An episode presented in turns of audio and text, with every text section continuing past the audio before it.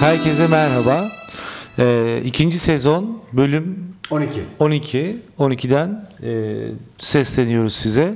Maslak'ta kaydettiğimiz e, Bando Talks'un yeni bül- bölümünde tekrar birlikteyiz. Bu bölümde e, biraz cid- Hansel biraz daha Bu bölümde biraz ciddili şeyler konuşmak arzu ettik. Benim eee, birkaç senedir e, 2016'dan beri e, yazdığım Medium'daki e, yazılarımdan bir tanesini konu edeceğiz. Bu konu anlaşamamak. ya öyle boşluk olunca e, ş- böyle deli gibi bir şeye girmiş gibi hissediyorum. Yani zor bir konuymuş gibi. Anlaşamamak aslında hepimizin e, başına dert, bela. Bunu çok iyi biliyoruz. E, bununla ilgili bir yazı yazmıştım. E, tekrar Göksel'le ona baktık. Bugün de onu konuşmaya karar verdik. Biz neden anlaşamıyoruz Göksel? Bir o kadar da insanlar aslında anlaşabildiğini düşünmüyor mu? Hep şu lafı duymaz mısın mesela? Benim bir arkadaşımla biz çok iyi anlaşıyoruz. Veya annem annem benim kardeşim gibidir. Ablam gibidir. Babam benim abim gibi davranır. Ben buna iyi niyet diyorum. İyi niyeti görmek lazım yani. Nerede göreceksin? Bugün ciddi konuşuyoruz Göksel lütfen. Sula Kelimelerine Aa, girme. dikkat et. e, Anlıyorum da bu bir şaka mı kandırmaca mı? Şimdi buna e, birkaç açıdan... Şundan a- anne bu arada pardon şundan anne baba dedim. Hani orada ilk başlıyorsun ya hayata kendi çekirdek ailende. E, Orada bir aldığın eğitim var. Bu eğitimde de aile eğitimi daha doğrusu. E, bu eğitimde de eğitimin sonucunda da benim annem benim ablam gibidir. Böyle yetiştik biz. Babam adeta kardeşim. Arada sırada vuruyorum ona falan gibi. Şeyler var. Yorumlamalar var. Sence insan ilk önce kendi ailesi içerisinde anlaştığını söylüyorsa yalan mı söylüyordur? Şimdi bu bir bana kalırsa niyet göstergesi. Hepimiz kendi ailelerimizde anlaştığımızı varsaymak istiyoruz. Sen öyle misin? Ben öyle o değilim tabii ki. Zaten olsaydım bu e, yazıyı yazamazdım diye düşünüyorum. Ben genel olarak ailelerimizin bir e, konu ya aile konusunda bu konuyu konuşmanın daha zor olduğunu düşünüyorum. Bizim kendi kişisel hayatlarımızda yakınlarımızla olan ilişkimiz ya da iş hayatında karşılaştığımız anlaşamama e, problemimiz üzerine yoğunlaşmak istiyorum. Sen mesela sevgilinle anlaşabiliyor musun Göksel? E, iş hayatı yakın çevremiz dedin ve sevgiliye girdin şimdi. Evet, sevgililik hayatı yani bir ilişkide olduğun insanla anlaşabildiğini düşünüyor musun? Anlaşamamak daha mı kolay? E, daha, tabii daha kolay. Neden? Ama sürekli kavga doğurur. Çünkü soru sormuyorsun. Nasıl? Soru soruyorum. Sen Hayır. özellikle sevgililik hayatında sen bunu niye yaptın? Sen neden böylesin falan gibi sorular sorulur. Şimdi mesela ben bunu iş hayatına çevirirsem konuyu iş hayatı üzerinden ele alıp daha sonra ilişkilere gelmek istiyorum müsaade edersen. Buyurun. Teşekkür ederim. İş hayatında en az soru soran en zeki göründüğünü düşünür.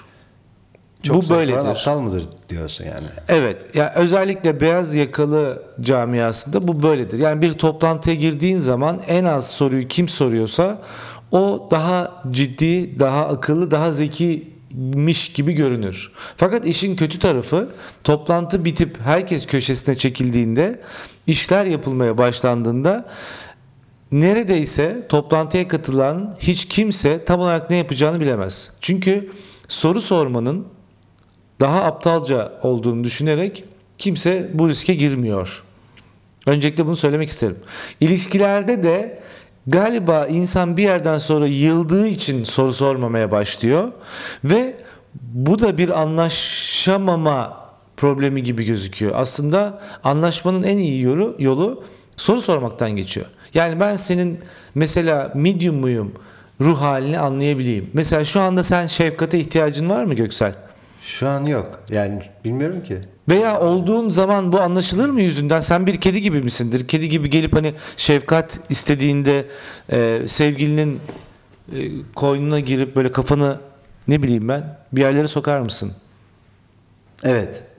Ha, oradan anlaşılıyor. Evet böyle evet diyeyim bundan kurtulayım böyle İşte bak olacak çünkü. mesela bu bir anlaşma şekli mi? evet. Ya çünkü evet böyle kalsın istiyorum. Bu kayıtlara geçiyor ama böyle kalsın istiyorum artık. Çünkü bizim Türkçemizde şöyle bir laf vardır. Çok konuşma. Çok soru sorma. Çok- Sen çok soru, Çok soru- karıştırma. soru soruyorsun, Çok göze karıştırma. batıyorsun. Evet. Ha.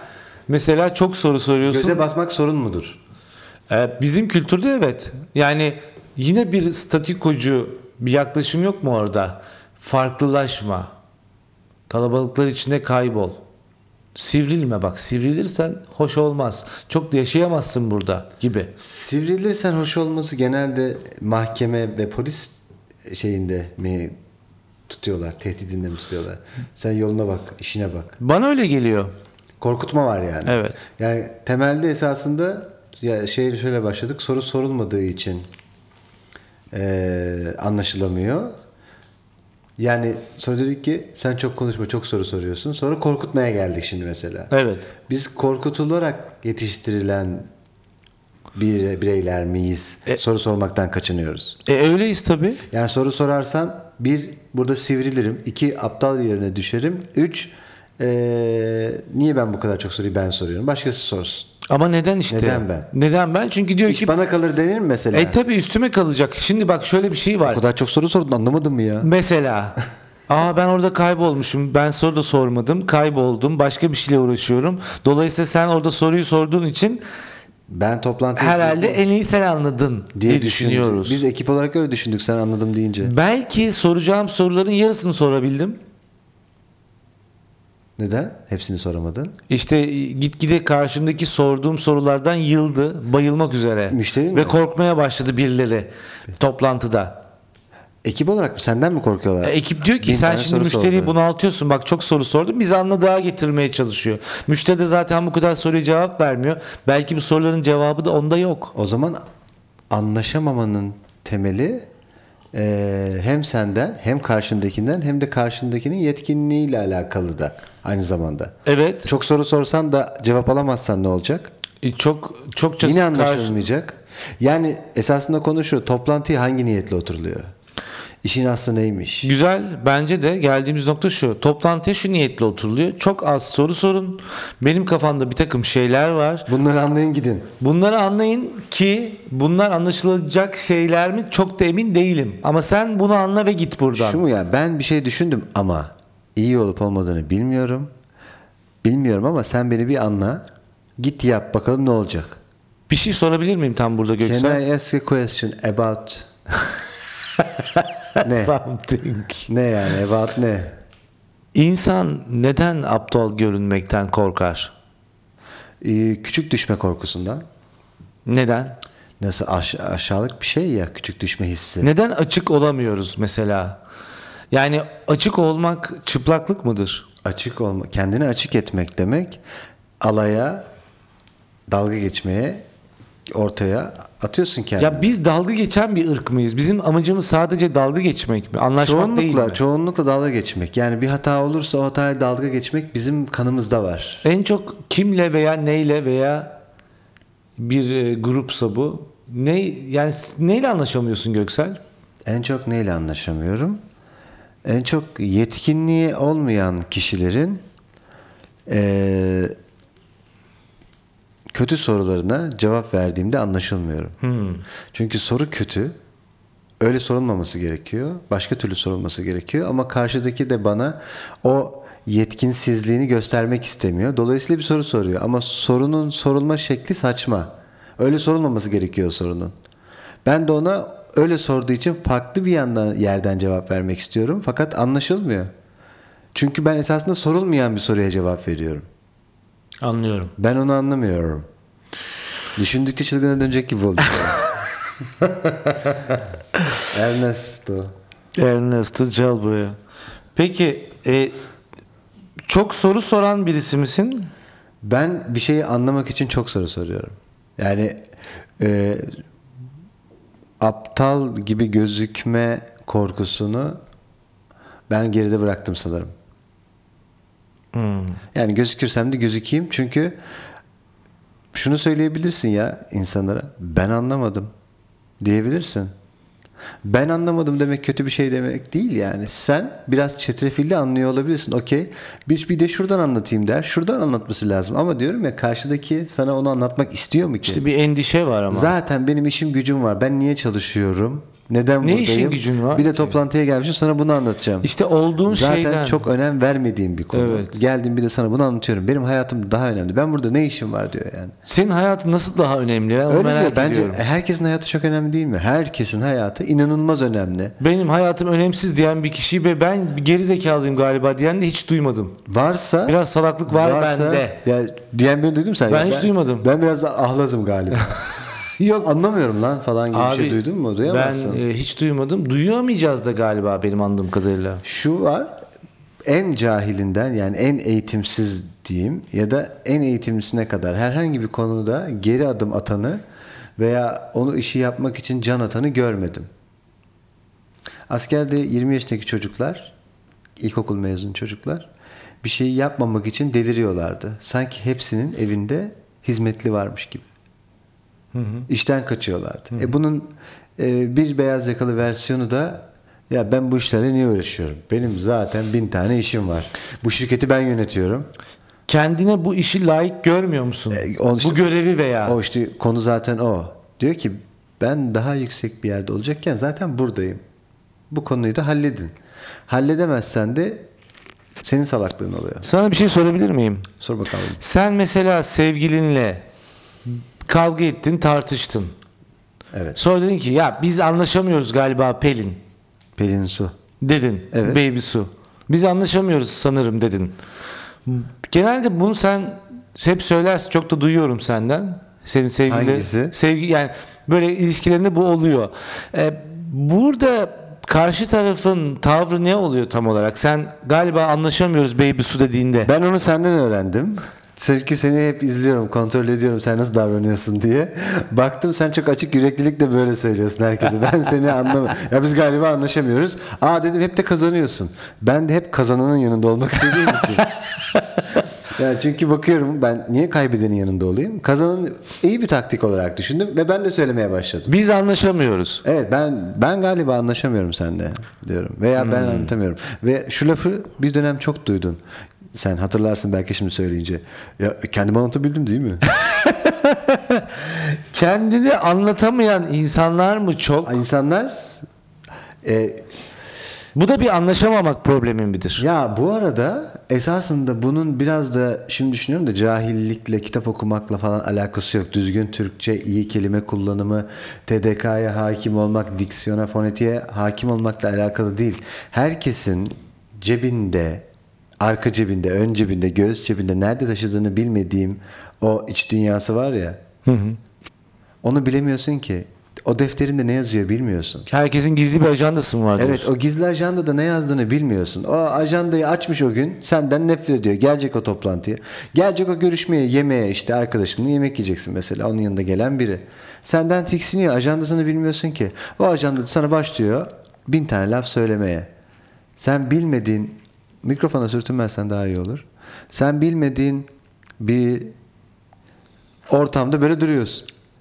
Bilmiyorsun ki karşındaki iki- üniversite mezunu olabilir, çok kitap okuyor olabilir ama seni düşürmek için gelmiş oluyor. Peki şöyle özetleyebilir miyiz? Senin aslında ajandanla onun ajandası tutmadığı için anlaşamıyor olabilir miyiz? Şöyle ki ajandayı Sen öpüşmek istiyorsun. O dışarı çıkıp sinemaya gitmek istiyor mesela. işte şöyle onu da şöyle kullanmak lazım. Ee, ajan sırası öyle bir ajanda varsa onu da sıra sıra kullanmak lazım bari. Ben hani sevgili tarafı değil de iş tarafından bahsedeyim.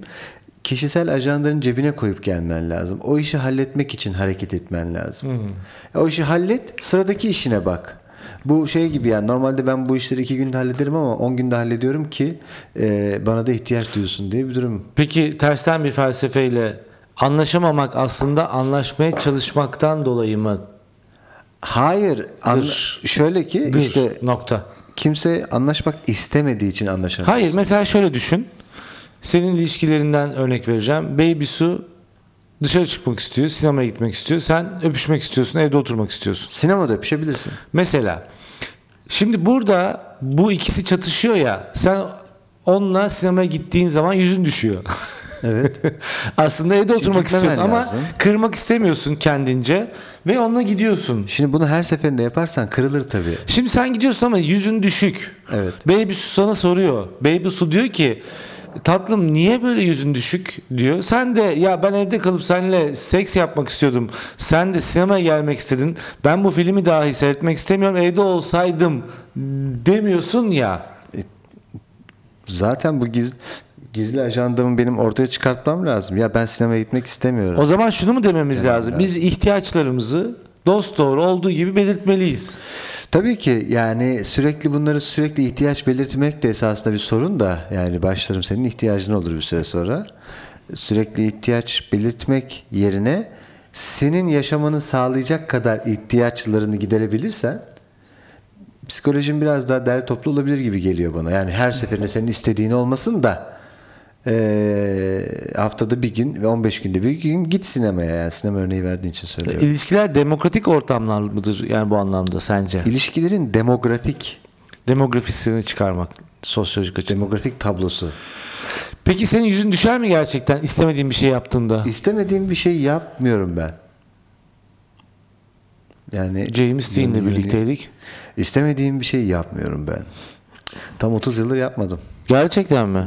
Muhteşem ya. Hmm. Çok iyiyim. Neredeyse yani. Neredeyse Kralsın yaşamım ya. var. Kral. Ya öyle şey olur mu? Gençken daha çok yapıyorsun tabii ki. İstemediğin şeyi çünkü hedeflerin farklı. Bugün hayatımıza fotoğraf olmasaydı. Ne olmasaydı? Fotoğraf. Fatura olmasaydı anladım. çok rahatladım. E-fatura. Çok rahat. Fotoğraf olmasaydı çok şey değiştirdi der misin? Fotoğraf olmasaydı hiçbir şey olmayacaktı. Yani fotoğraf olduğu için video var. Instagram var. Instagram var. Instagram'da selfie'ler var. Yani ilk fotoğrafı çeken kişi veya ilk videoyu çeken Lumiere kardeşler bir gün 15 saniyelik story'yi düşündüler mi sence? Biz düşünmemişlerdir. O zaman bugünkü programı toparlamak isterim. Hap bir program olsun istedik. Ciddili şeyler konuşmak istedik. Evet. İnsanların anlaşamaması üzerine konuşmak istedik. Evet. Aslında anlaşmak, anlaşamamaktan daha kolay olduğunu söylemek istedik. Maslak'ta kaydettiğimiz stüdyolardan sizden ayrılmadan önce söyleyeceğimiz şey şu. Lütfen yanınızdakiyle anlaşmaya çalışın. Anlaşamıyorsanız bunu belirtin. Bir, Zeki Sözle görünmeyi bırakıp belirtin. sorular sor diyorsun. Zeki görünmeyi bırakınız ve sorular sorunuz. Evet. İki, karşındakinin fikrine değer veriyormuş gibi en azından gülümseyiniz. En azından. En azından. Üç, her zaman istediğini yapamazsın. Bunu bilmelisin. Bu biraz açık oldu ama hoca. Her Açık, zaman istediğini uçlu. yapamazsın ne demek? Yani her zaman senin istediğin şey olmayabilir. Olmayınca senin canın sıkılıyor mu? Benim sıkılır. Hala atlatamıyorum. Ne kadar kalıyor? Birisi armut soyup ağzıma versin istiyorum. Ee, Yani o herhalde yardım etme manasında. Yardım etme manasında. Ne kadar kalıyorsun o duyguda? Armut mu? Yo şey duygusu, yardımcılık duygusunda. ne Ya kadar çok e, kalıyor? ya ilişkiler ilerledikçe tahammül seviyen iyice düşüyor ya. Düşüyor mu kalmıyor mu? Kalmıyor işte Yani düşüyor. o yok. Ben ona düşüyor diyorum. Bence eriyor. Asidik bir duygu. Asidik bir şey evet dikkat üstünüzü İlişkiler eşya parçalayabilir. gibi midir Emre? İlişkiler eşya gibidir. Kullandıkça yıpranır sayın dinleyici. Ema, Ema Eman e, bir hep ikinci eli olmaz mı kullanılan eşyaların? yani, Yani sen yayında de- fıstık yiyecektim biraz. Aslında farkına vardım. Yani esasında senin yaşadığın, yani senin derken insanın yaşadığı ilişkiler hep birinin o ilk kişinin ikinci eli ilişkiler. Ne diyorsun? Yani bu başka bir yere gidiyor Miroğlu. Ya Yusuf Miroğlu. Anlaşamamaktan bahsediyoruz Göksel. İkinci el ilişkiye nasıl geldik? Anlaşamamak kibir, kıskançlık, şehvet gibi kötü ve anlık duyguları tetikler mi? Onlar anlaşamamayı te- tetikler gibi duruyor. Öyle mi? Tabii onlar anlaşamamayı tetekliyor, tetekliyor. Ee, dolayısıyla ortada bir sorun oluyor. Bando Maslak stüdyolarından yaptığımız bu 12. bölüm 2. sezon yayınımızın sonuna geldik. Göksel anlaşamamakla ilgili anlaşma yolunu açan bir şiir okur musun? Bir şiir okur muyum? Akrostij mi istersin? Lütfen. O bıraktığında Emrah olsun Bırak- mu? Bıraktığında Emrah okunsun mu yani? Ya biraz e, Karadeniz şivesi olursa Karadeniz şivasıyla olmaz. Çünkü orası şive komedisine girer.